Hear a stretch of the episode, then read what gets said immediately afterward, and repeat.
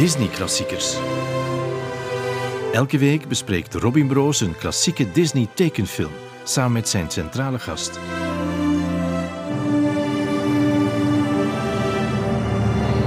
Welkom in de 33e aflevering van Disney Klassiekers. Vandaag met als centrale gast Camille de Bruyne, tv-maker, Emmy-winnaar en bedenker van Sorry voor Alles.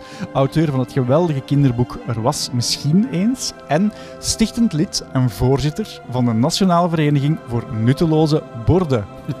Dag Camille. Dat laatste, daar ben ik het allertrotst op. Is het waar? Ja, Ja? eh, ik vind dat leuk. De Nationale Vereniging voor Nutteloze Borden. We verspreiden gewoon nutteloze borden over heel het land. En eh, meer is dat niet. En ik hou van dat soort onnozeliteit. Ik heb er al verschillende gezien. Ik hoop dat ze ook blijven hangen. Ik, heb mezelf gisteren ook betrapt, dat is echt waar. Ik zag een bordje en ik dacht, zou het nutteloos zijn of niet? En, was het? het was nuttig. Ja, dat was wel een tegenvaller. Ja. Er, ja, er zijn er, ik, ik heb er net weer aan de kaart toegevoegd. Er zijn er al een stuk of vijftig in het land, denk ik. Maar probeer ze ook te plotten op een kaart? Of Ja, is het de ja. bedoeling dat mensen ze gewoon toevallig vinden? Het, is ook de bedoeling dat de mensen ze toevallig vinden, maar op nuttelozeborden.be staat er dus een kaart met alle nutteloze bordjes die in ons land al eh, verspreid zijn. Ja, ik heb ooit zelf een bordje laten maken voor het eh, stamcafé, waar mijn beste vriend Jelle en ik regelmatig naartoe gaan. Eh, dat is Café Jeeskesboom in Leuven. en toen dat café vijf jaar bestond, enfin, onder, de huidige, onder het huidige management, heb ik een bordje laten maken. U aangeboden door uw eerste betalende klanten. Dat waren wij. We waren ook onder hun de eerste betalende klanten. En dus dat hangt daar nu verguld aan de muur met onze, met onze namen op. En heb je er dan ook iets voor in ruil gekregen voor die mooie gesten? Uh, wij betalen nu stevast 2 euro voor een, eh, een, ja, een glas Hoegaarden, terwijl de prijs intussen 2,10 euro is. Ja. Maar wij blijven wel op de geplafondeerde prijs van 2 euro. Goeie deal, want zo'n bordje kost eh, een tiental euro of zo. En dan nu, ja, ja, Exact. goed gedaan. Ja. Maar ja, kijk, wij zijn ook wel ambassadeurs. Beetje zoals jij ambassadeur bent van de nutteloze borden, zijn wij ambassadeur van eh, nutteloos tijdverdrijf op café. Dat is ook eh, een eh, noemenswaardige hobby, vind ik. Ik stel voor dat we daar ook gewoon eens op een andere keer dan, wanneer het weer mag, nutteloos afspreken. Dat is goed. Ja. Ik ga beginnen met een nutteloos weetje over de film die we vandaag gaan bespreken. Dat is The Hunchback of Notre Dame. En het meest nutteloze weetje dat ik over deze film kon vinden is: dit is de Disney-tekenfilm met de minste bomen. Is er echt iemand die, die alle bomen in de Disney-films telt? Eh, het internet staat vol met Oh, weirdo's die dingen hebben uitgerekend. Love ja. it. Maar dan moet het toch ook zo... Of, ah, dat- telt dan niet Pixar en zo wellicht. Ik ken er niet zoveel van. Maar zo, zo Wally en zo, daar staan bijvoorbeeld toch ook ge- geen bomen en zo? Nee, maar het gaat over Disney. Ja, Ah ja. Wally is dan weer Pixar. Ook al zit dat nu onder moederschip Disney, zoals quasi de helft van de wereld vandaag. Ja, ja. Maar En zo piratenplannen. Nee, ik, ik, ik vind dat moeilijk om te geloven dat er in eh, Parijs van de klokkenluider van Notre Dame zo weinig boom, minder bomen staan dan in gelijk welke Disney-film. Ja, want die zijn waarschijnlijk gewoon niet getekend omdat dat goedkoper was. Ja. of niet passen in het kleurenpalet. Ja, dat want het is wel een hele eh, grijze, donkere film, hè? Maar laten we beginnen bij het begin. Camille, was jij als kind een Disney-fan? Ehm, ik denk eh, het wel, zoals, zoals iedereen. Ik heb wel echt een aantal van de Disney-films gewoon echt eh, ja, grijs gedraaid, is dat niet, maar zo die videobanden kapot gespeeld, echt. En de klokkenluider van de Notre Dame was daar eentje van. Was er zeker één van. Ik vond die Ja. geweldig. Ja, het verraste mij. Je bent de enige. Ik, ik heb aan verschillende mensen toen ik met de podcast begon gevraagd op voorhand al. eh, mocht je een film kunnen kiezen, welke zou dat zijn? Want daar een beetje rekening mee gehouden in de keuze voor de gasten die ik heb uitgenodigd. Je bent de enige die deze film heeft gezegd. Ja? Ten onrechte vind ik, want Ja, ik heb hem nu gisteren opnieuw wel. bekeken. Wauw. Het was een paar jaar geleden dat ik hem gezien had en ik, ik keek gisteren ook opnieuw en ik dacht, ik ben blij dat ik die film heb gezegd. Ik vind het echt een ongelooflijk goede film. Ja, je was wel teleurgesteld over één ding. Ja. Ehm, ik, ik ben eh, iemand die vroeger alle films in de Vlaamse versie heeft gezien, als die er was tenminste. Ehm, en ik wou die dan ook in de Vlaamse versie kijken, maar Disney Plus biedt die Vlaamse versie niet aan, dus moest ik alleen naar kut-Hollanders luisteren. Je kan ook gewoon kiezen om hem dan in het Engels te bekijken. Ja, maar ik kende al die liedjes en zo eh, echt in de Nederlandstalige versie en ik wilde vol voor dat nostalgisch gevoel gaan. En zijn ze dan hetzelfde in het Hollands-Nederlands? Of... In grote lijnen wel. Ik denk dat er hier en daar zo een, een, andere vertaling zit, maar eh, de liedjes zijn hetzelfde, maar de stemmen zijn, zijn anders. Hè. Anders, maar niet beter. Nee, ja, ik denk dat ze even goed zijn, maar als je gewoon de, de Vlaamse versie gewoon bent, dan, dan is dat slechter. Maar wellicht is dat even goed. Ik heb wel gezien dat Esmeralda dezelfde actrice was, maar ik ben dan wel eens gaan, gaan, gaan kijken. Dus ik heb de Ne- Nederlandse versie gisteren gezien. En daar zingt ze met een, een Nederlands accent. Eh, maar het is blijkbaar een Vlaamse eh, actrice. Dat zag ik op? Wikipedia. En eh, dan, heb is je- het waar, op, op YouTube kan je de, de, de. Vlaamse versie zien. En daar zingt Esmeralda gewoon in het Vlaams. En jij wou dus liever kijken naar de versie waarin Quasimodo wordt ingesproken door Jan Schepens. Absoluut. De grootste musicalacteur van ons land. wie, wie wil die niet zien? Ja, Ik heb ook warme gevoelens bij. Ik, een, een van de, Wacht, oh, oh, oh, wacht. Pas op wat je zegt, hè. Ik heb ook warme gevoelens als ik terugdenk aan eh, de musicalversie van Beauty and the Beast, die ik een aantal jaar geleden in de Stad Schouwburg heb gezien. En daar was Jan Schepens het beest. En Jan Schepens deed dat best verdienstelijk. Het is ook Eh, een dat beest natuurlijk. Maar Koen Krukke zat daar ook in en dat heeft mij tegengehouden om te gaan kijken. Dat kon Krukke daar ook in? Ja, Wacht, maar zijn er misschien meerdere versies geweest? Want ik denk niet dat... als eh, Pandule, dacht ik. Ja, ja, ja. Nee, nee, nee niet als Pandule. Maar eh eh, Koen Krukke zat erin als vader van Belle. Maar, Ja, ah, oké. Ja. Misschien ga ik toch moeten gaan kijken, want dat is niet zo'n belangrijke rol. Nee, nee, nee. En ik vond dat je, dat je daar ook het vakmanschap van Koen Krukke zag. Want toen ik ging kijken, toen, was de, eh, toen haperde de microfoon van Koen heel hard. En, en dus die, eh, soms kon je hem niet horen, maar die was dan wel professioneel genoeg om dan opvallend vaak heel dicht bij Bellen in de buurt te gaan hangen. En eh, dat was geen, geen MeToo of zo, maar dat was, ik gezag, dat was de vakman Koen die dacht, shit, het publiek heeft hier niet de optimale ervaring, want ze horen mij niet. Ik zal in de buurt van de microfoon van mijn mede-actrice gaan, eh, gaan zingen. Ik zou het persoonlijk een beetje griezelig vinden mocht Koen Krukke zo in mijn nek staan te hijgen, maar oké. Ik denk dat er mensen zijn die dat zeer leuk vinden. Dag iedereen! Maar dus eh, Jan Schepens als Quasimodo. Dus, ik, wacht, maar ik weet niet, misschien is dat iets dat je later ging zeggen. Maar ehm, ik ben er gisteren pas achter gekomen eh, waar Quasimodo vandaan komt. eh, de naam Quasimodo. Want Esmeralda noemt hem in de film ook de hele tijd eh, Quasi en zo. En ik denk dat ze het in de film ook uitleggen. Het is van bijna af of net niet af. eh Quasimodo. En ik weet niet meer wat mode betekent in, in het Latijn of zo. Maar dat was voor mij een openbaring. Dat was ik volledig vergeten. Of mij niet van bewust. Ja, dus het betekent half afgewerkt. En in de film wordt er ook wel de nadruk op gelegd dat Frollo, het eh, gemene personage, dat hij die naam geeft omwille van het uiterlijk van eh, Quasimodo. Maar in het originele verhaal wordt verwezen naar een, ehm, ja, zo de, de kinderen, vondelingen werden toen eigenlijk genoemd naar de patroonheilige van die week. Oké. En in die week was dat Quasimodo. De eerste zondag na Pasen. Quasimodo was de naam van de patroonheilige. Ja, en dat had er dan mee te maken dat alle ehm, pasgeboren kinderen na de kruisiging van Christus, dat die eh, nog niet gedoopt waren en daardoor nog niet... Oké, af waren. dus, de, dus de mooie versie van eh, Quasimodo, eh, bijna af. Want Quasimodo is een persoon dat je zou van kunnen zeggen is bijna af, of net, net niet af. Ja. Dat is eigenlijk nonsens dan. ja, maar natuurlijk, Disney maakt daar Geweldig, meesterlijk gebruik van. ja, Oké. diep dramatisch gebruik van. Misschien moet ik even, voor wie het niet meer zou weten, zo zijn er helaas altijd een paar, Mhm. Eh, nog even kort samenvatten waar de film over gaat. Dus we hadden het al gezegd, het gaat over Quasimodo, een misvormde jongen die willens nillens wordt opgevoed door de rechter Frollo, een gemene man. Ehm, nadat ja, die gemene man eigenlijk de, de moeder van Quasimodo, een zigeunervrouw, eigenlijk ja, vermoord heeft, of, of toch heeft laten sterven. Hij wou die arresteren, eh, maar die liet dan een baby achter en hij heeft die moeten, zich daarover moeten ontfermen, want de priester stond erop dat hij dat deed. Nu, de film springt meteen 20 jaar in de toekomst, naar het jaar 1502, waarin Quasimodo in de klokkentoren van de Notre-Dame woont. Geweldige plek, hè? Beste Airbnb van Parijs, denk ik.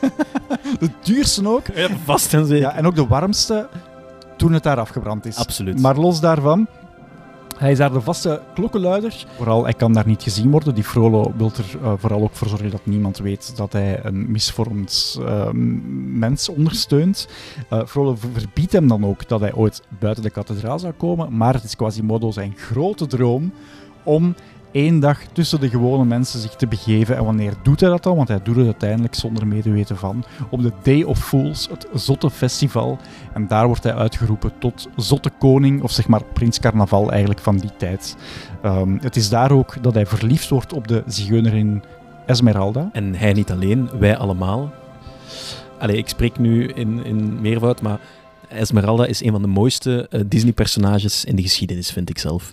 Ik ben blij dat je er meteen over begint. Ja, Eh, want inderdaad, wij niet alleen, Quasimodo niet alleen, de, de eh, soldaat in de film ook, maar Frollo ook. Ja, er zit een, er zit MeToo-scène in, in de film, is mij gisteren opgevallen.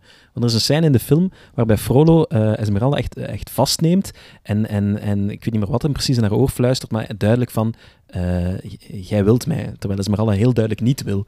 En eh, dat voelde toch heel erg eh MeToo aan dat moment. En Frollo is een rechter die ervoor wil zorgen dat Parijs terug puur wordt, dat alle zigeuners weg zijn.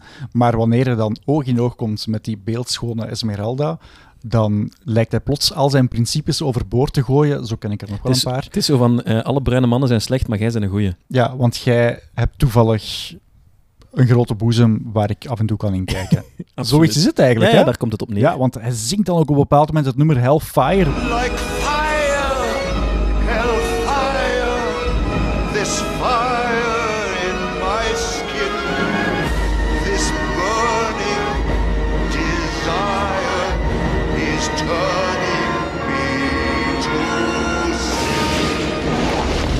overloopt alle eh, zeven hoofdzonden.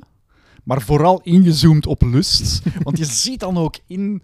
ehm, hij staat te zingen voor een haardvuur. Ja, dat is echt waar een- de silhouet oh. van Esmeralda in zit. Ze hebben die tekeningen nog moeten aanpassen. Omdat in de originele tekeningen het leek alsof ze geen kleren aan had. Maar het lijkt, even, het lijkt een heel de film lang alsof ze geen kleren aan heeft. Want Esmeralda draagt een soort blouse die over haar schouders hangt. Dus haar schouders zijn ontbloot. En in heel veel shots viel mij zelf op gisteren. eh, zie je alleen de bovenkant van, van, haar, van haar buste, zeg maar. En ehm, daar lijkt het alsof ze geen kleren aan heeft. En dan zoomen ze een klein beetje naar beneden en ontdekt je dat ze toch die prachtige witte blouse aan heeft. Ja. Ik begin steeds meer te begrijpen waarom jij dit als kind zo vaak gezien hebt. Maar dat, eh, dat terzijde eh, over Esmeralda. Mijn vriendin zei gisteren over eh, Frollo. Die heeft last van fragile masculinity. Weet je wat dat wil zeggen? Nee, zo woke ben ik niet, denk ik. Nee, dat is een man die gekwetst is eh, in zijn ego door afwijzing. Is gekwetst in zijn ego door afwijzing. En Ja. Esmeralda maakt duidelijk op verschillende momenten in de film dat ze niks van hem moet weten. En da daar kan hij dan weer op zijn beurt niet mee om. Dus dan liever nog dood aan Esmeralda dan dat iemand anders haar zou kunnen hebben. Ja, ja, ja. Dat is een, een goede analyse, denk ik. Ehm, maar laten we het over Esmeralda zelf hebben. Heel graag. Ze, ze heeft prachtige groene ogen en eh, dat, Esmeralda ehm, in, het, ehm, in het Spaans en Portugees eh, staat dat ook voor de kleur groen. Dat wist ik niet. Dat is mooi. Het maakt haar alleen maar nog mooier, eigenlijk. Kan jij, laten we even eh, voor de vuist zeggen, je mag niet spieken op de dvd die hier bij ons ligt, voor de vuist weg zeggen welke kleur van kleren ze aan heeft? Of ben je meer bezig met wat er... Nee, nee, nee. Ik ben ook, ze, heeft, ze heeft een soort eh, veel paars in haar, in haar kledij en een paar eh, gouden eh eh, fr- frunjes eraan. Ehm, en ze heeft dus doorgaans ook een, een soort wit, witte blouse aan die, onder, tot, die over de schouders hangt. Ja. En soms ook een soort sluier. Hè. En die kleuren refereren naar de hoer van Babylon. Esmeralda, de hoer van Babylon. Ja, een Allee, bijbels figuur. Ja.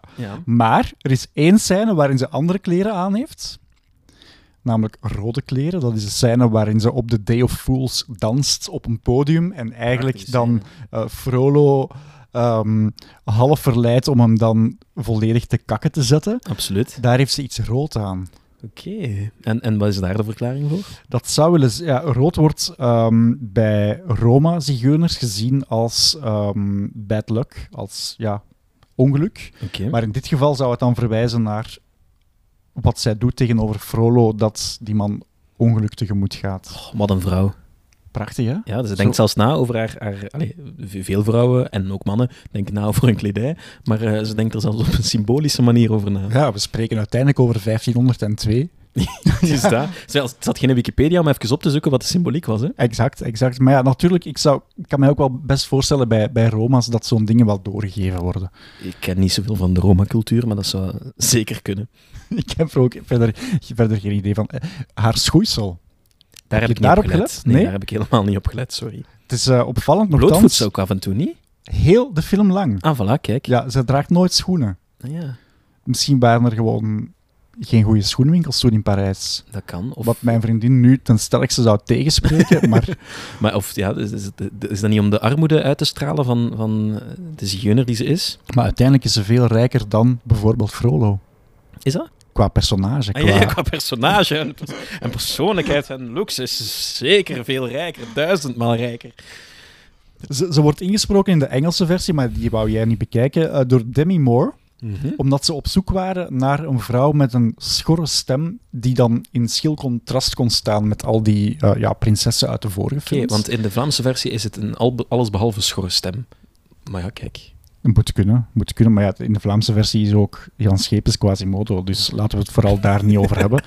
Ehm, de liedjesmakers, Ellen Menken en eh, Stefan Schwartz, die eerder al hadden samengewerkt voor Pocahontas, Ehm, die hadden Demi Moore binnengeroepen om een aantal nummers uit te testen. En na veel vijven en zessen heeft eh, Demi Moore zelf de handdoek in de ring gegooid en gezegd: Jullie kunnen sowieso iemand vinden die veel beter is dan ik. Dan hebben de Disney-bazen besloten: We gaan haar wel de stem laten doen, maar de liedjes, als ze moet zingen, dan vragen we het aan iemand anders. En dat is dan een, ehm, een Broadway-zangeres geworden, Heidi Mollenhauer. Nou. En, maar, dus de, want de zang is dus door iemand anders dan de, de dialoog.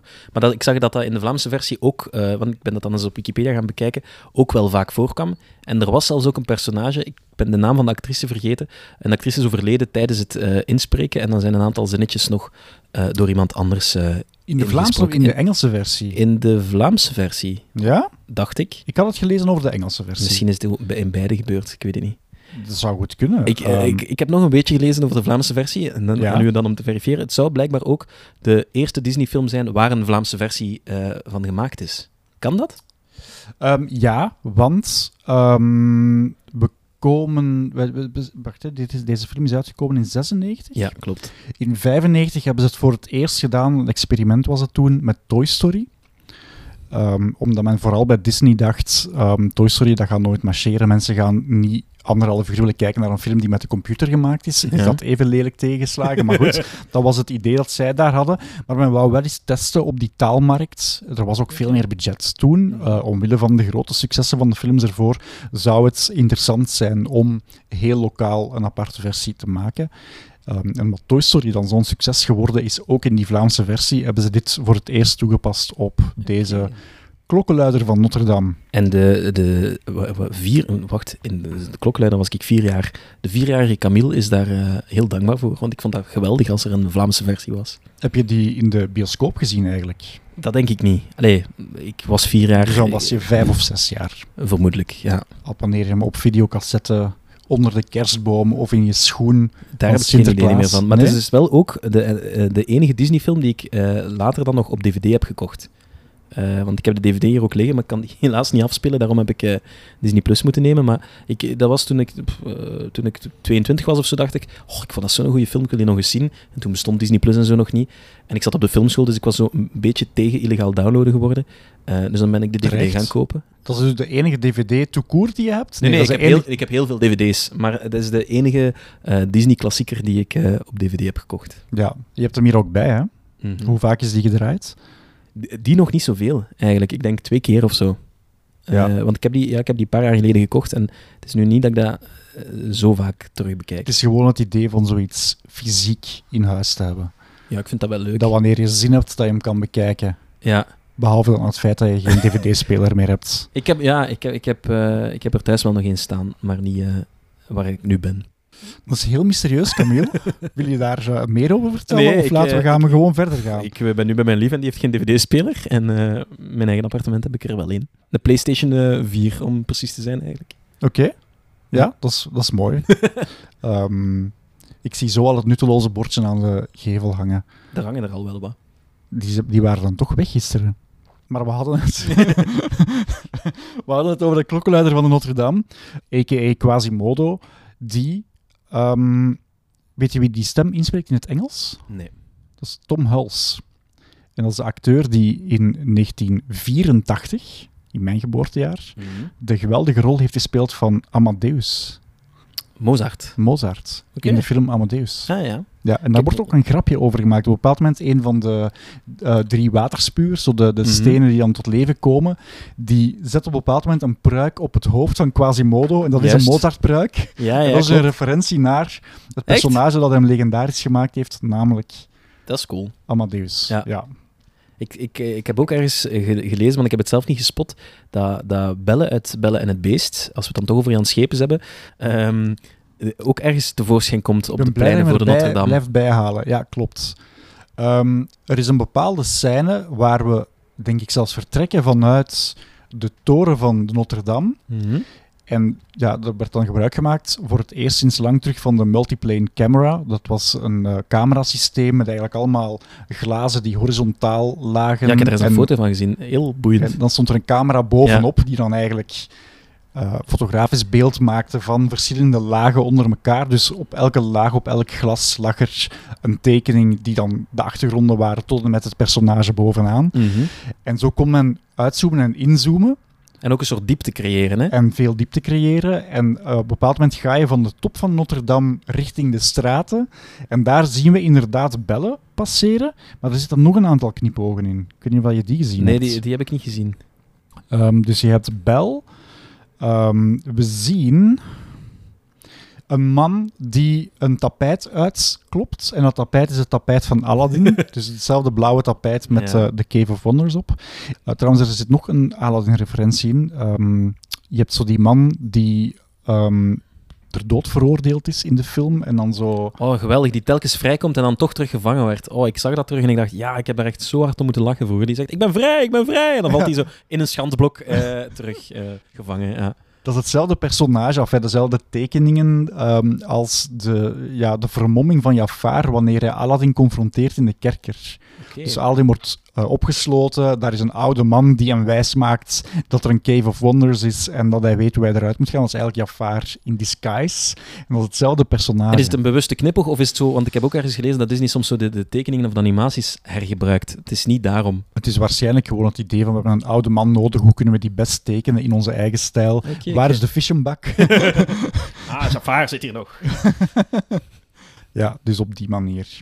Trouwens, Quasimodo, ja, die wordt dan opgevoed door die Frollo. En die komt dan ook vaak langs om hem eten te brengen. Eh, daar zie je eigenlijk al hoe die Frollo probeert een soort van machtsverhouding in stand te houden. Namelijk, Quasimodo moet altijd het eh, servies gaan halen. Ja. En Frollo krijgt het mooie porseleinen bord Ja, met een ja. beker wijn. En hij En krijgt een houten... houten, Ja. viezige bekertje en zo. Ja, ja, ja, dat heb ik gezien. En zo wordt dat in stand gehouden, dat Quasimodo eigenlijk heel zijn leven lang denkt, ja, maar ik ben minder waardig en ik moet opkijken naar... Wat vanuit zijn positie natuurlijk ook niet zo moeilijk is, omdat hij Ja. geboggeld en wat gebukt loopt. Mhm. Maar eh, ja, het is, het is jammer, ja, zo heeft hij nooit een, eh, een, een mooi beeld van zichzelf. Hè. Nee. Hij heeft ook maar een paar vrienden en daar wordt ook veel over gediscussieerd, namelijk de drie stenen waar we het al over Drie hadden. waterspuwers zo. Ja. ja. Wat ook gek is dat we die waterspuurs noemen, want uiteindelijk Zijn het geen zijn- waterspuwers? Ja, er kan geen water door. De waterspuurs zijn eigenlijk zo de, Ja, de langwerpige ja. Die, die zo Ja, uit... in mijn hoofd waren dat wa- waterspuwers, want de Notre-Dame bestaat uit eh, waterspuwers. En zo worden ze ook genoemd, maar eigenlijk zijn het er geen. Daar wordt ook over gediscussieerd, onder andere door de makers, dat het waarschijnlijk figuren zijn die alleen bestaan in eh, het hoofd van Quasimodo. Ja, dat zijn mijn lief toen we gisteravond aan het kijken waren ook. En ik vond dat een enorme teleurstelling, want ik had dat nooit zo geïnterpreteerd. Eh, voor mij waren dat gewoon zijn vrienden. En in een Disneyfilm kan dat, dat er stenen praten. Maar er zijn inderdaad theorieën dat dat alleen maar in zijn hoofd zou zijn. Want Frollo maakt daar ook een opmerking over ergens in de film. Klopt. Die zegt ook, dat is steen, dat kan niet praten. Waardoor dat je inderdaad... Ja, maar die stenen staan dan wel op een andere plek dan dat ze eigenlijk... Ja, Dus hoe kan dat dan? ja misschien verplaatst Quasimodo die gewoon af en toe. We hebben Maar wel gezien... zo sterk? Ja, heb je gezien wat voor acrobaten? Ik, heb, ik vroeg mij nog af, doet Quasimodo zijn eigen stunts in die film? Of is dat met een stuntman? Want die, die glijdt daar parcours over die, die, die kathedraal, slingert daar aan touwen, re- redt Esmeralda. Enfin, heel atletisch persoon, ook al ziet hij er zo niet uit. Ja, maar uiteindelijk is het wel Esmeralda die van op de top van de Notre-Dame hem terug moet binnentrekken.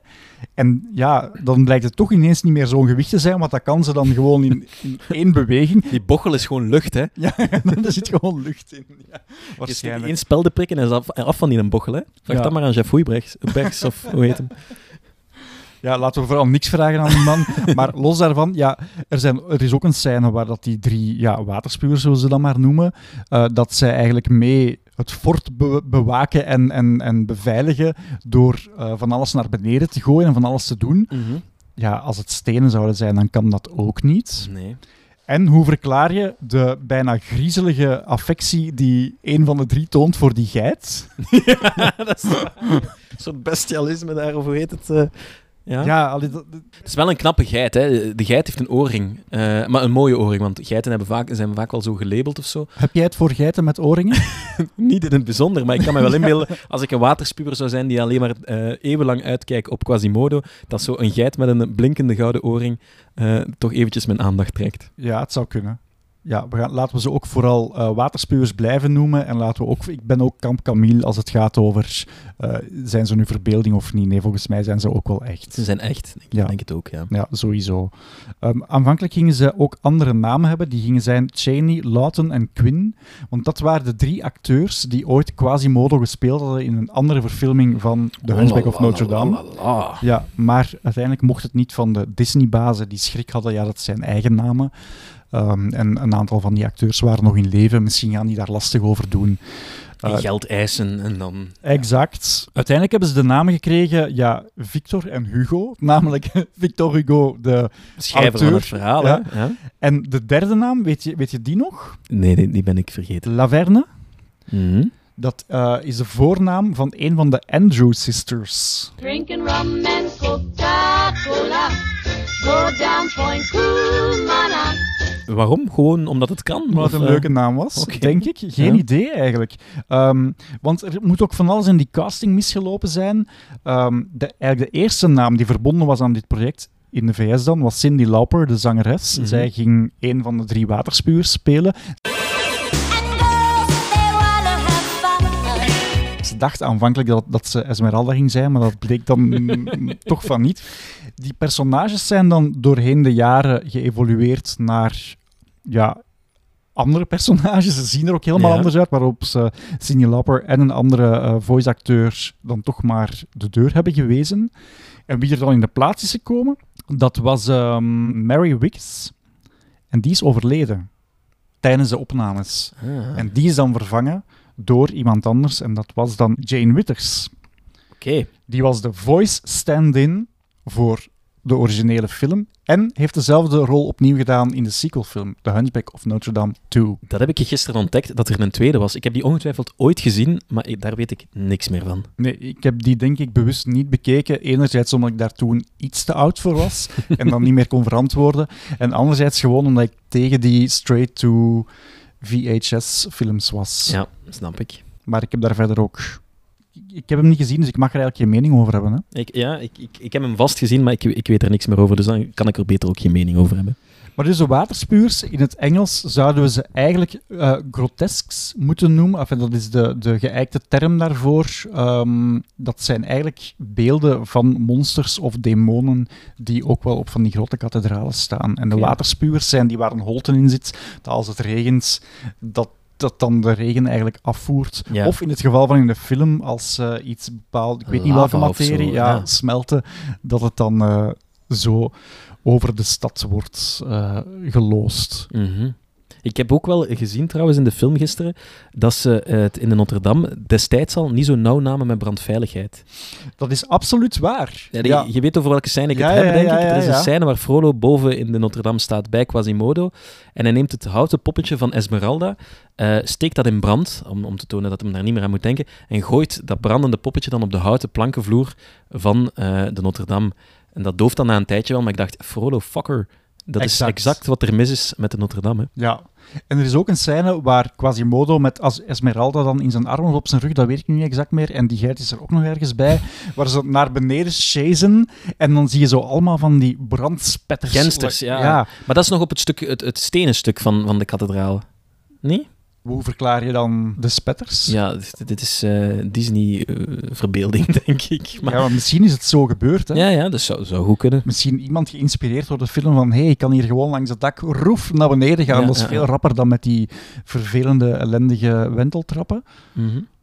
En wie- weet is, is het zo... Fijn, maar dus toen al problemen met de brandveiligheid en eh, zo blijkt nog steeds eigenlijk. Hè. Ja, sowieso. Wat ik ook heel erg grappig vond, eh, die, dat personage Laverne, dus een van de waterspuwers die we grotesks moeten noemen, eh, op het einde zegt hij, wanneer ze weer omsingeld wordt door allerlei duiven, Juist, waarom emigreren jullie niet? Of, allee, ik weet niet meer wat... ever migrate. vogels die naar het zuiden vliegen, hè, Ja, eens ja, per ja. jaar. Als er nu één vogelsoort is dat dat nooit doet, dan zijn het wel duiven. Dat vind ik echt wel... Dat is een, een mop met verschillende lagen. Ja, maar er zitten Daar wel een van. aantal goede moppen in, eh, in de film ook. Een van, de, van die grotesques, zeker in de laatste scène, zie je een vrattenzwijn Mhm. op de Notre Dame staan. Daar werd dan over gezegd dat dat Pumba was, een knipoog naar Pumba. Eh, maar dat blijkt echt daar te staan. Ja, ja. Er blijkt echt een vrattenzwijn Ja, in steen Maar op de er Notre zijn Dame staan. fascinerende waterspuwers op kathedralen in Europa. Want ik was een paar jaar geleden in Reims, eh, en op het plein voor de kathedraal van Reims. Ehm, en er viel mij plots op dat daar hele boeiende waterspuwers stonden. Er waren neushoorns en zo. Eh, als waterspuwer. Terwijl ik dacht van, dat moet toch gebouwd zijn in een tijd waar, waar, waar ze neushoorns niet kenden.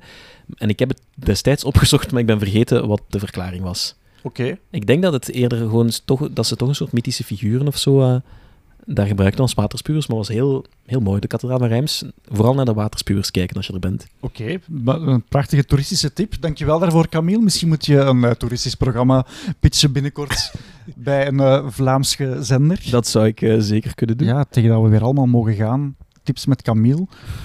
Wat zou je nog aanraden? Eh, er is zoveel dat ik kan aanraden, maar ik ben ook eh, vorig jaar in, Frankrijk, in Blois, geweest. En dat is een soort van ehm, eh, hoofdstad van de goochelkunst. Want Robert Houdin, een, van de grondleggers van de moderne magie, is vandaar. En het, je hebt daar een goochelmuseum, en dat is een, soort groot huis. Maar het coole is, om het kwartier komen er draken uit de ramen van het huis. En, en die, die, daar komt rook uit en zo verder. Maar tussen de kwartieren door lijkt het gewoon een huis te zijn. Mhm. En plots komen er draken ieder kwartier. Eh, dat is een aanrader. En dat zijn echte draken. Eh, ja, het zijn mechanische draken. Ik weet niet of je thuis bent in de wereld van de draken, maar die bestaan niet echt, eh, Robin. Maar dat is dus een, een Zoveel aanrader. teleurstellingen. Dat is ook een van de redenen waarom ik denk ik ook fan ben van, van Esmeralda. Ik, ben zelf, ik heb zelf een grote liefde voor de goochelkunst. Mhm. Ik vind dat iets heel fascinerend. Ehm, en Esmeralda, ze wordt ook op een bepaald moment op een soort brandstapel gezet voor hekserij. Maar af en toe ontsnapt ze in de film ook op een magische manier. Hè. Ze gooit een beetje stof, dat gaat in een rook op en zij is plots helemaal ergens anders. Een soort David Copperfield-act. Ja, maar dan 600 jaar eerder. Ja, exact. Ongelooflijk, hè? Dus eh, ook daar zorgt ervoor dat Esmeralda Wat een een fantastische vrouw, is. vrouw. Wat een vrouw. We hadden het over de Notre Dame. En Ja, sorry dat ik weer over Esmeralda be- begon. Ja, maar ik begrijp het. En dat mag ook. Enfin, af en toe mag Esmeralda terugkeren.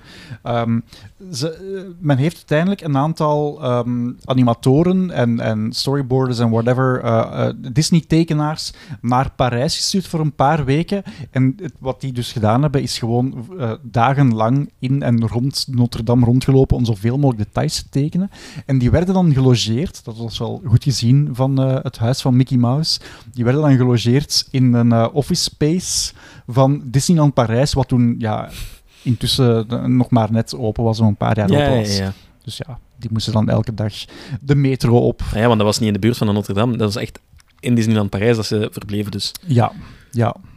En in plaats van leuke attracties te doen, mochten die elke dag. de Notre Dame tekenen. En ik vind wel dat het ongelooflijk mooi gedaan is. Met Absoluut. heel veel gevoel voor detail. Ja, ja, ja.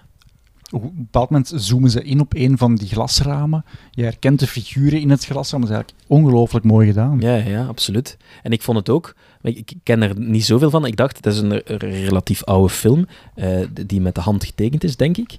Ehm, maar toch zitten er soms zo scènes met heel veel mensen, of met een soort bijna een 3D-effect, dat ik wel indrukwekkend vond. Eh, hoe ze dat deden, weet ik niet, maar Er zit ook heel veel 3D of, eh, of computeranimatie in. Ah, toch? Eh, Ja? Ik heb ze opgelijst. Ehm, ik zal er gewoon random en een paar opzommen. De, de klokken zijn Ja. CGI getekend. Oké.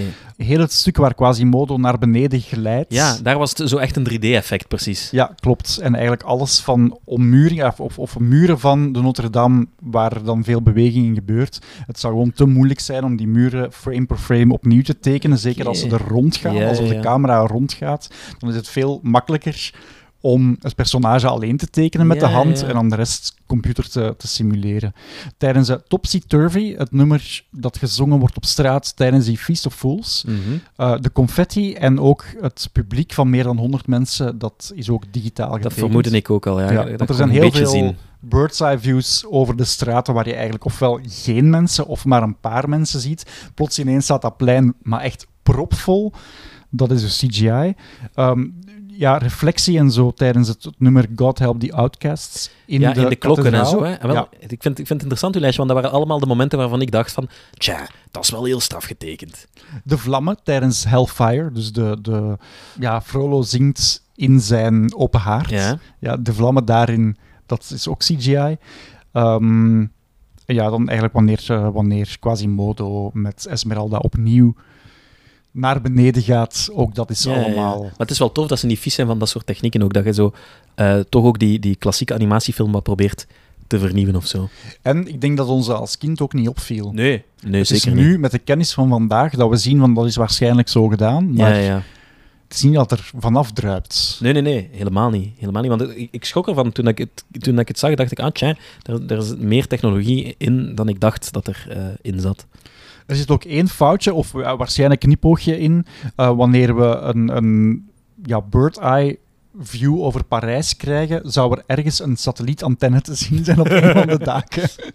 We spreken 1503, dat is Ja. redelijk revolutionair voor die Ja, tijd. of het is een heel groot bord dat nog buiten stond natuurlijk. Dat zou ook kunnen, ja, ja, absoluut. Nu, het ding van die Feast of Fools, dat is ook een bestaand feest tijdens de middeleeuwen. Ehm, En er werd ook effectief degene met het lelijkste gezicht uitgekozen. Ja, wel, het, het, ja, men koos eigenlijk een valse bisschop of een valse paus. En het was vooral om het contrast te maken tussen het vroedvolk en dan de mensen die een veel beter leven hadden. Op die dag werd alles omgedraaid en dan koos men, ehm, ja, of het nu met het lelijkste gezicht was, dat weet ik niet, maar ja, misschien dat bisschoppen en pausen gewoon lelijke gezichten hadden. Ja, ja, ja.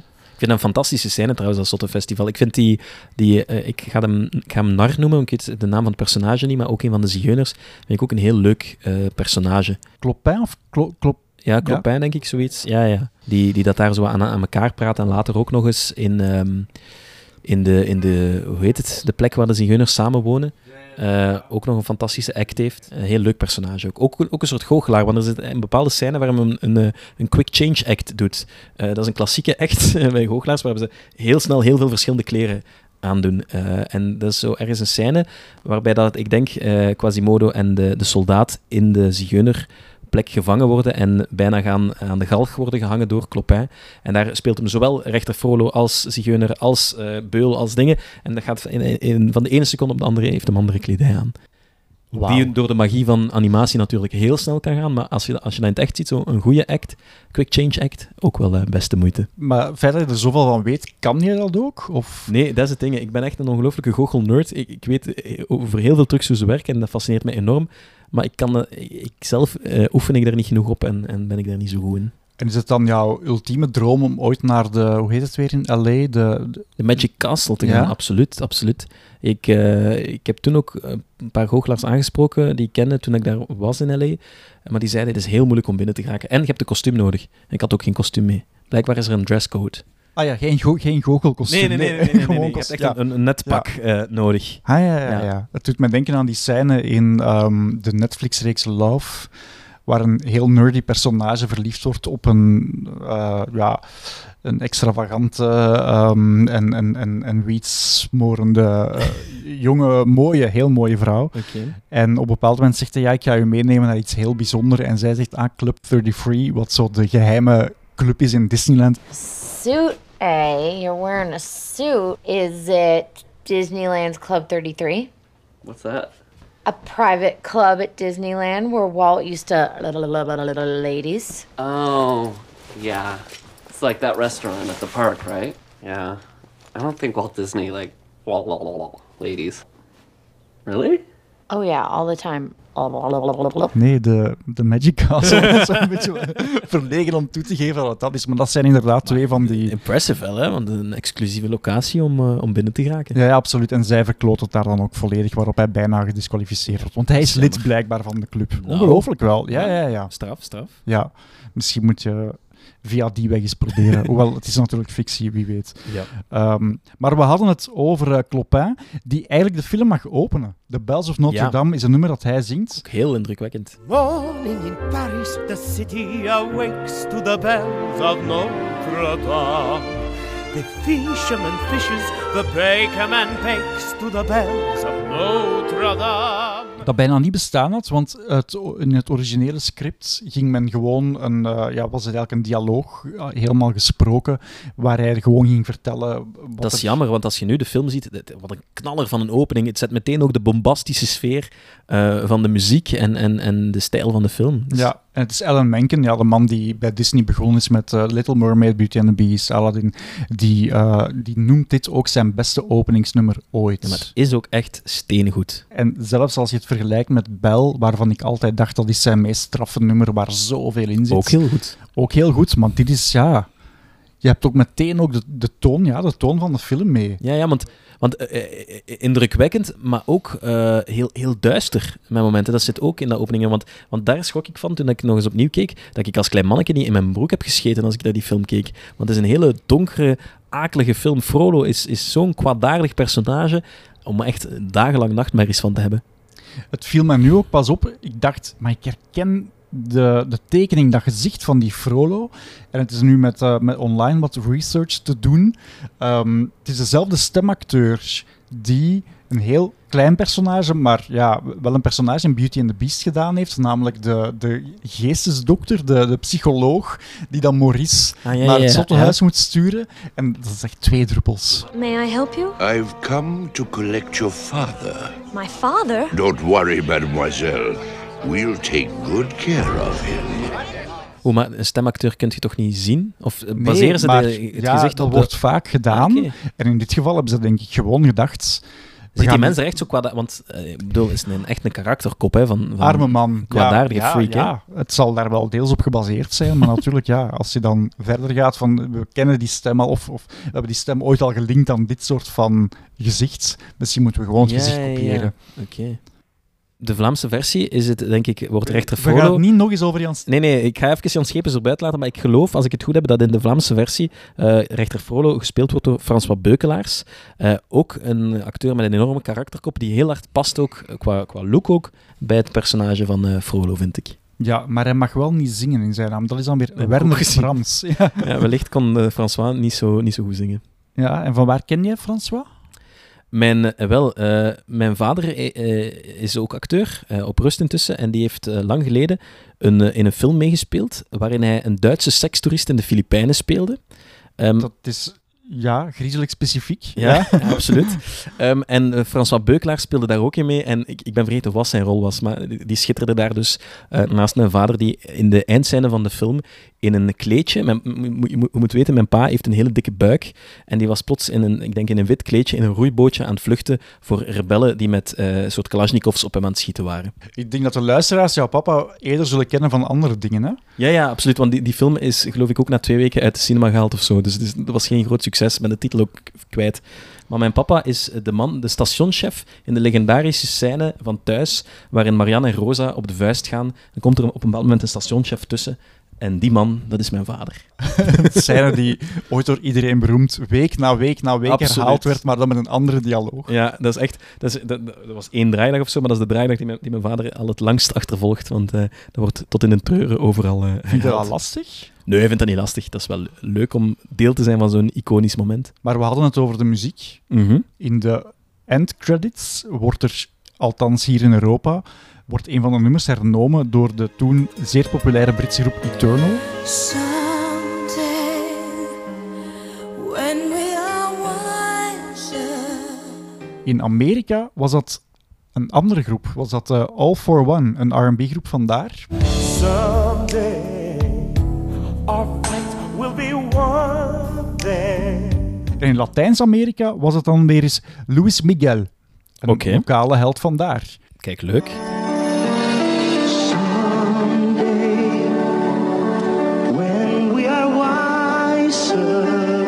Maar te zeggen dat Disney toen al, hè, de- we gaan een Vlaamse versie maken, maar zelfs het eindnummer, waar we komen van Beauty and the Beast, gezongen door Celine Dion, en waar heel Mhm. de wereld werd, eh, ja, hoe moet ik het diplomatisch zeggen, Heel de wereld moest Celine Dion ondergaan. Heeft men er hiervoor gekozen om, Om toch... toch lokaal talent een kans te geven. Ja, en dat is mooi. Ja, absoluut. Dat is eh, een nobel streven van eh, meneer Disney. En ik vind het ook wel mooi dat ze dan kiezen voor Eternal en niet voor Jan Schepens. Die heeft al kansen genoeg gekregen. Dat kan ook wel gezegd worden, ja, inderdaad. zeker ook in deze film. Uh, en de première was ook wel iets mooi. Ja, die, die is verschillende keren uitgesteld. Vooral omdat de, de Disney-baas van de studios althans, Jeffrey Katzenberg, die was met slaande deuren vertrokken na de première van The Lion King. Waardoor dat de volgende films, ja, dat daar in het productieproces wel wat misgelopen is. Um, uiteindelijk is die uitgesteld naar de zomer van 1996. Het is in première gegaan in New Orleans. Mhm. In de Superdome. Waarom niet in Parijs?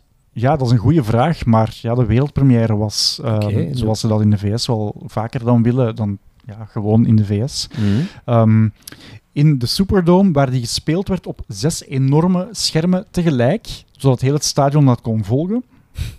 Uh, waar dan ook die uh, bewuste R&B-groep aanwezig was om dat nummer daar live te doen. Um, en dan is er ook vanuit de French Quarter, en misschien dat daar de link ligt, want die hebben ook wel heel carnavaleske uh, jaarlijkse rituelen.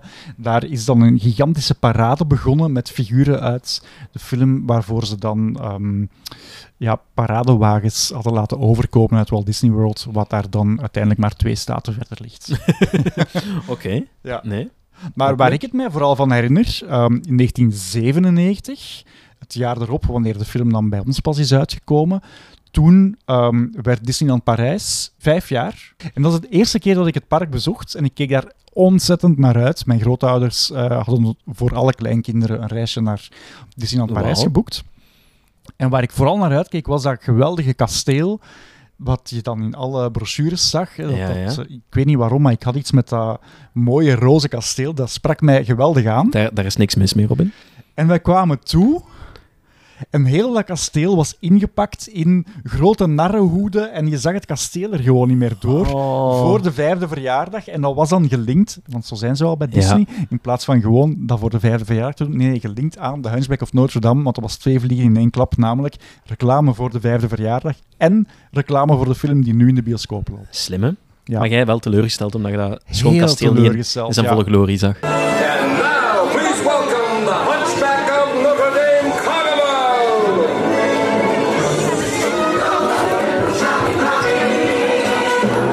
Achteraf, nu, vandaag, ben ik wel blij dat ik foto's heb van... Van die unieke gebeurtenis. Exact. En dat was Amai. ook een bijzondere parade met dan zo figuren die verkleed waren, echt waren als de Notre Dame. en dan zag je ja, die twee torens bewogen, zo dat was heel raar. Maar ja, En, en lopen, eh, loopt in Disneyland misschien nog steeds ook echt zo'n Quasimodo mascotte zo rond? Of toen niet? wel. Ja, dus in die parade was een Quasimodo en vooral, en daar heb ik ja, heel veel foto's van teruggevonden. Laat mij raden. Was Esmeralda op de parade? Zij was uh, En de was tekende ze zo present. mooi als ik dacht? Ja, ja, absoluut. Ja, Oké, fijn. Ik wou dat ik erbij was. Ja, dat, dat snap ik. eh, want ik, ik wou me eigenlijk voorstellen, we hebben ooit een clubhouse gedaan waar we het hebben gehad over de podcast Disney Klassiekers, maar waar, dat we, waar iemand toen, eh Polly Paulette, Mhm. Voorstelde om Juist. met een aantal fans naar Disneyland Parijs te gaan. Camille, ik zou heel graag hebben als we dat doen, dat je meegaat. Met maar plezier. ik ga je wel teleur moeten stellen. Ik vrees dat Esmeralda daar niet in het wild gaat rondlopen. Maar, maar waarom niet? ja, dat is een goede vraag. Wat is de policy van de mascottes in Disneyland? Is dat van, ah, dat is jaren 90, dat doen we niet meer? Of? Ehm, Sorry, is- want allee, dat is de beste Disney-klassieker die er gemaakt is en die personages lopen daar niet rond. Dan wil ik mijn geld dat- terug. Ja, misschien moeten we dat wel op voorhand aanvragen dan. Ja. Het is voor ons heel belangrijk als we komen. Te onderhandelen van, anders kopen we geen ticketjes. We willen dat Esmeralda er is, oké? Jazeker, jazeker. Eh oui, bien sûr, bedoel ik dan. Ja. Oui, bien sûr. Ja. Hoewel het is, tegenwoordig is het terug volledig eigendom van Amerikanen. Dus misschien gaat het gewoon zijn: ehm, we'll get back to, back to you. Ja, Let me talk to the manager. Dat is goed, dan neem ik Karen mee. hey, Karen meepakken. Ja. Ja? Oké. Ja, Karens spreken graag met de manager, hè? dus eh, dat is toch de, de meme op online. Eh, eh, mijn lief heet Karen en Karens hebben, gaan online de wereld rond als eh notoire irritante vrouwen die altijd met de manager willen spreken. Dus ik neem Karen mee to talk to the manager. Jullie mogen allebei mee dan. Ehm, al was het maar omdat Karen ook al in deze podcast is geweest. Niet Voilà. in het minst in de allereerste aflevering die wij in dezezelfde zetel hebben opgenomen. Kijk eens aan. Ja, prachtig hè. Uh, hoe dat zo toch al die dingen dan uiteindelijk mooi bij Dat zijn elkaar al die komen. referenties die Disney in een film steekt, en die steek jij in je podcast. Ja, klopt. En die komen uiteindelijk allemaal samen in deze prachtige gele zetel. Ja. ja. Geel ook mooi aansluitend bij de, het kleurenpalet van deze film. Ik weet niet waarom, maar geel is zo de kleur waar ik spontaan aan denk als ik aan de Notre zit, er, Dame dat zit er wel in. Ja. Het is zo, het is zo eh, donker en, en zo wat paarsig, maar ook veel oranje-geel tint, omdat er zo heel veel precies bij schemer of zo ook Ja. plaatsvindt. Ja. Ja, ik vroeg mij af, moeten we het niet nog eens over Frollo hebben? Want dat is toch wel echt de griezeligste Disney-villain aller tijden, denk ik. Ja, het is, ik zei het daarnet al, het is zo'n akelige film eigenlijk. En Frollo is de, de grootste schurk die ik in mijn leven heb gezien, denk ik. Ik was vergeten dat hij zo slecht was.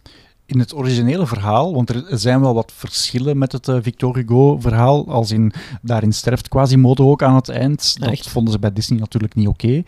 Ehm, konden ze geen sequel maken. Konden ze, exact, konden ze geen sequel maken. Ik vind het ook heel raar. Quasimodo is dan verliefd op Esmeralda, maar moet dan toegeven dat, eh, nu ben ik even zijn naam kwijt, ehm ehm, ehm, ehm, ehm, Phoebus, De soldaat, de, soldaat dat, dat die dan toch wel haar hart veroverd heeft. En op het einde eh, is hij dan zo precies zo'n soort van bisschop die met zijn handje op hun handen... Juist, ja, ja, Zo. ja. Ik geef jullie mijn blessing. Hoe raar is dat allemaal? Ja, dat moest. Een hele gekke driehoeksverhouding, Mhm. vind ik dat. Eh, trouwens, die Phoebus ook wel heel grappig. Die zijn paard, weet je nog hoe dat die heet? Nee, maar die kan wel kunstjes. Want het paard gaat dus een paar keer zitten op, op wachters, hè? Ja, prachtig hè? Ja, goede grap ook, maar ik ben de naam vergeten. Ze hebben het paard Achilles genoemd, omdat wanneer ze hem dan vragen om te gaan zitten op een van die wachters of zo, Ja, ja. Dan, dan kan eh, Phoebus zeggen, Achilles, heel. Ho, jong! Wat een goede grap! Wat een goede grap! Maar, maar, welke brainstorm is daarop gekomen? ik, wilde, ik wou dat ik erbij was. Dat- Ja, dat moet ooit de, de stemacteur verklapt hebben, eh, Kevin Klein, tijdens eh, een eh, DVD-commentary. Oké. Maar in, ja, in, in, het, in het Nederlands weet ik niet hoe dat ze het vertaald hebben dan doen. Maar, Ik ga het er even Het bij zal ook wel nemen. Achille- Ik denk dat het ook Achilles is, hoor. Maar... Ah ja, het paard. Ja, het paard Achille- heeft geen stem, dus Achilles het staat heel. niet op mijn acteurslijst. nog, nog even over de vergelijking met het boek. Frollo in het boek is een aartsdiaken. En dat vonden ze dan weer gek, omdat ja, hij is degene die ehm ja, Quasimodo moet opvoeden, maar tegelijk ook wil dat al dat gespuis, zoals hij het dan noemt, dat dat eh, Parijs verlaat. En dat zou een beetje gek zijn dat iemand ehm, ja, met kerkelijke eh, verantwoordelijkheid, dat die dan ook zou mensen willen uitsluiten. Dat klopte niet helemaal, vonden ze bij Disney.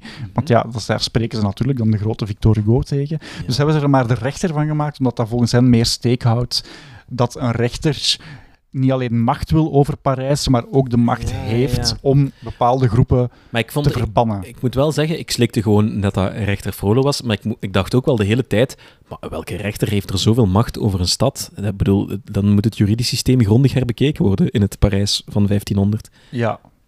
Ja. Alleen, en ik, en dan snap ik nu dat, nu dat je het zo zegt, dat een aartsdiaken in, in een soort religieuze samenleving veel meer macht heeft en dat soort dingen kan zeggen. Maar een rechter, ja, toch een pak minder. Waarschijnlijk heeft men dat dan met het oog op vandaag, of ja, vandaag in de zin van 1996, gemaakt. Ja, ja, ja. Dat toen misschien... Maar ze hadden toch beter, ze hadden er toch even een burgemeester of zo van kunnen maken. Dan, dan pik ik dat, dat hij zegt, mijn stad moet hier ontruimd worden van die vieze zigeuners. Ja. Maar een rechter. Aan alle die hier niet welkom zijn. Niets proficiat. eh. ja, weg. Ja, eh, ja. En dan de stem laten inspreken door Walter de Donder. Altijd lachen ook, hè. Ja, en die heeft sowieso ook alweer een aantal meningen over als het over andere bevolkingsgroepen gaat. dus het, zou wel, het zou kloppen. Absoluut, Ja. Ehm, de film heeft wereldwijd 325 miljoen dollar opgebracht. Dat maakte het de vijfde populairste film van het jaar 1996. Leuk. Wat was de populairste film? Dat weet ik eigenlijk niet. Nee, dat heb ik dan weer niet opgezocht. nee, ja, goede bijvraag, Camille, maar Ja. nu zet je mij hier even in mijn hand. Maar oké, ja, mag. Ik weet niet of ik u ga meenemen naar Disneyland Parijs, maar dat zien we dan wel. Dat verantwoordt natuurlijk wel een sequel. Ja. Dan kunt, om, het heeft goed opgebracht. We, we gaan er nog een maken om nog extra centen te verdienen. Exact. En een stage musical. Want er is... Is die er geweest? Er is een stage Ik musical vroeg het mij nog af, want ik vind dus Ja. ook de muziek en de nummers geweldig. En eh, het is, het is misschien al duidelijk door mijn liefde voor Jan Schepens en de andere dingen die ik verteld heb, is dat ik een, wel een bijzonder grote musical-fan ben. Eh, dat is niet zo cool om te zeggen, merk ik doorgaans, maar ik kom er toch vooruit. En ik vroeg me al af, van fuck, zou er geen musical van zijn gemaakt? Eh, Die wil ik zien. En ik wist het niet dat er een was Ja, mochten we hem naar hier halen, wie mag Esmeralda zijn? Goh, dat is een moeilijke vraag.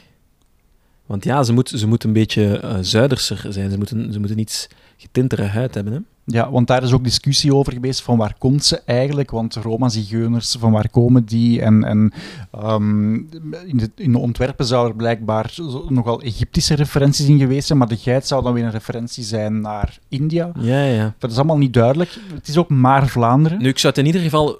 Ik zou ook... Het is niet mijn droom Esmeralda, voor alle duidelijkheid, maar ik zou wel ook zeker willen gaan kijken als Belle Perez de Vlaamse Esmeralda zou zijn. Ik zou sowieso naar alles gaan kijken waar Belle Perez in zit. Voilà, Ja. kijk.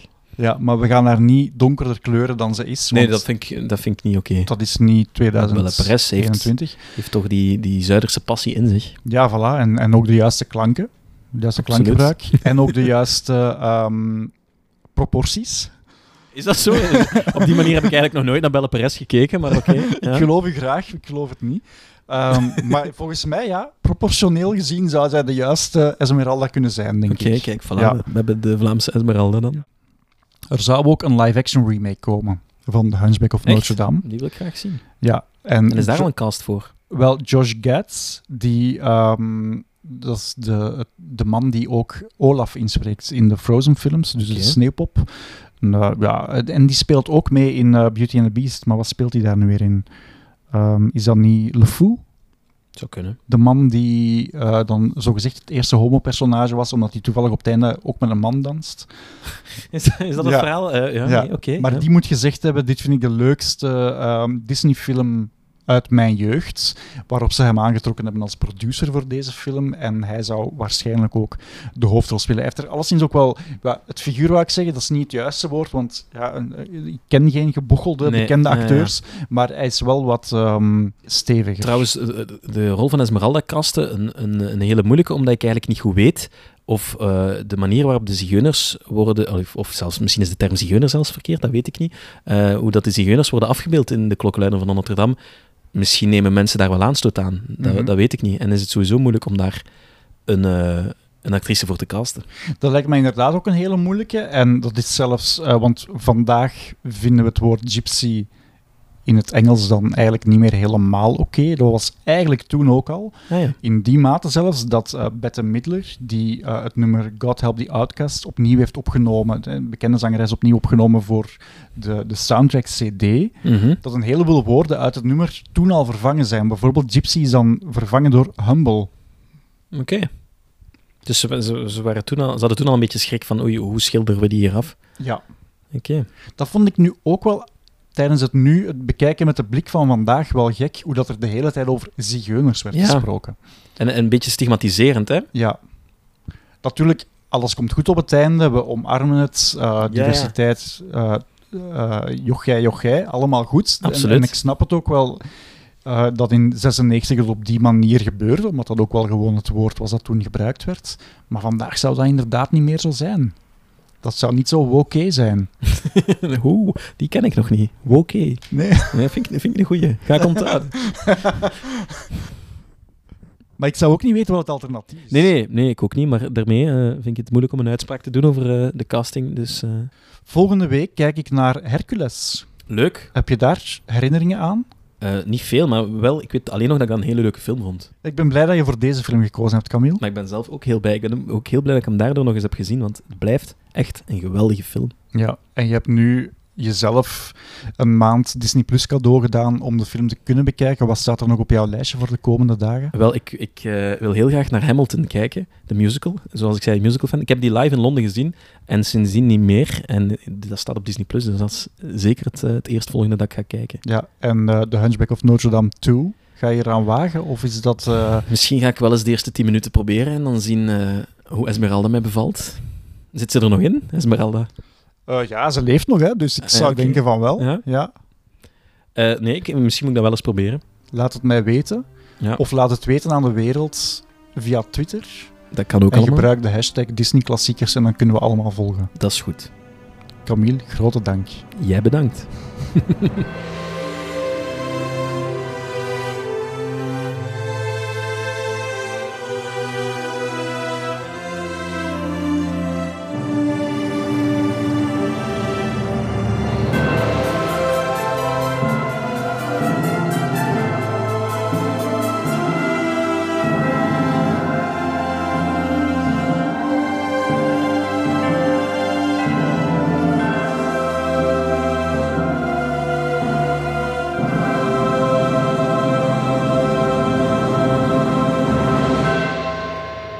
al je vragen of opmerkingen naar robin.robinbroos.be of post ze onder de hashtag Disneyklassiekers.